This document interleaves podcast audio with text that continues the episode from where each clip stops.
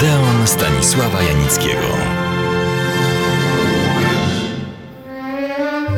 Wprawdzie nie mam atrakcyjnych nagród, prawdę mówiąc, to nie mam żadnych nagród, a ośmielam się zaproponować Państwu udział w rozwiązywaniu pewnej zagadki.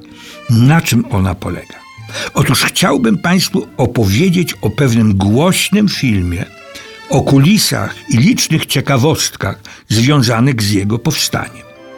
Ma on jednak bardzo urozmaiconą, wręcz powikłaną, wielopiętrową akcję, licznych bohaterów. Co więcej, rozgrywa się na przestrzeni kilkudziesięciu lat, kiedy to świat tonie w krwawych turbulencjach. Jak tę dramatyczną sytuację w kilku zdaniach streścić? Stąd ten pomysł zagadki. Przedstawiam Państwu obszerny, ale jednak tylko fragment owej sagi. Ci, którzy film widzieli, rozpoznają go natychmiast. No, może po pewnej chwili. Ci, którzy go nie znają, się nim, mam taką nadzieję, do tego stopnia zainteresują, że zaczną buszować po YouTubach czy podobnego typu internetowych dobrodziejstwach. Tak na marginesie, to fantastyczne że możemy trafić do tego, co byłe, zamierzchłe przy pomocy ultranowoczesnych środków. I poznajemy wtedy świat, którego odtworzyć się już nie da. To pół biedy, ale świat, który jest naszą przeszłością, bo nie wzięliśmy się, no i tak dalej. Wreszcie ów tajemniczy film. Proszę się wsłuchać, przypomnieć sobie, przenieść się w tamten odległy, a jednak bliski czas. Zwolniony z wojska Juri powraca do rodziny w ogarniętej rewolucją Moskwy. W czasie jego nieobecności zmarła Anna. Dom Gromieków zostaje przejęty przez bolszewików i podzielony na lokale, do których zostają dokwaterowani nowi mieszkańcy. Juri wraca do pracy w szpitalu i zaczyna publikować swoje wiersze. Nadchodzi zima, a z nią głód, choroby i mróz. Funkcjonariusz czeki rozpoznaje Juryja, gdy ten rozbiera drewniany parkan, by móc ogrzać mieszkanie. Jewgrach informuje przyrodniego brata, że jego twórczość nie podoba się komunistycznej cenzurze i może przez to zostać aresztowany. Pomaga bratu i jego rodzinie w ucieczce. Tak zaczyna się ta opowieść. A tak się kończy.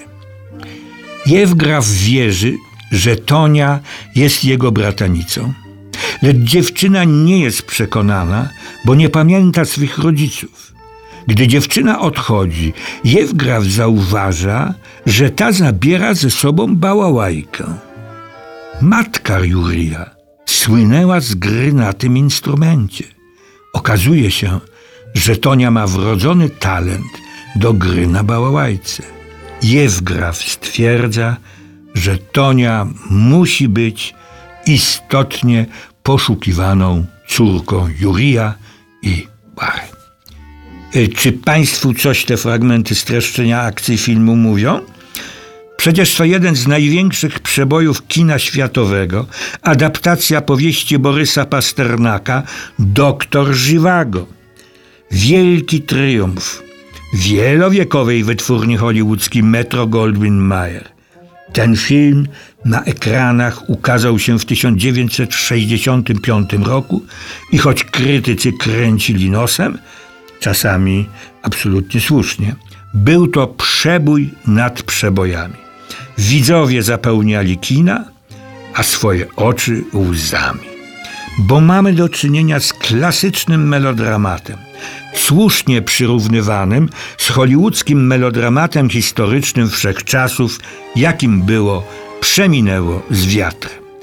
Żeby pozostać w tym stylu reklamowym, powiem, że dr Żywago zarobił na świecie okrągłą sumę 200 milionów dolarów i zajął ósme miejsce na liście hitów amerykańskiego przemysłu filmowego. Tak na marginesie, uratowało to wytwórnią MGM od bankructwa. Krytycy, jak to krytycy, jedni wpadali w euforię, podkreślając przede wszystkim ogrom przedsięwzięcia, kreacje aktorskie, inni ganili wolne tempo, uproszczenia w widzeniu świata, nadmierny sentymentalizm. Rosyjscy krytycy zarzucali realizatorom filmu uproszczenia obrazu rewolucji, nieścisłości historyczne i kiczowatość wielu momentów. Tak czy inaczej, doktor Żywago otrzymał pięć Oscarów i pięć złotych globów. A za tydzień ciekawostki z realizacji tego filmu. Serdecznie zapraszam do Odeonu.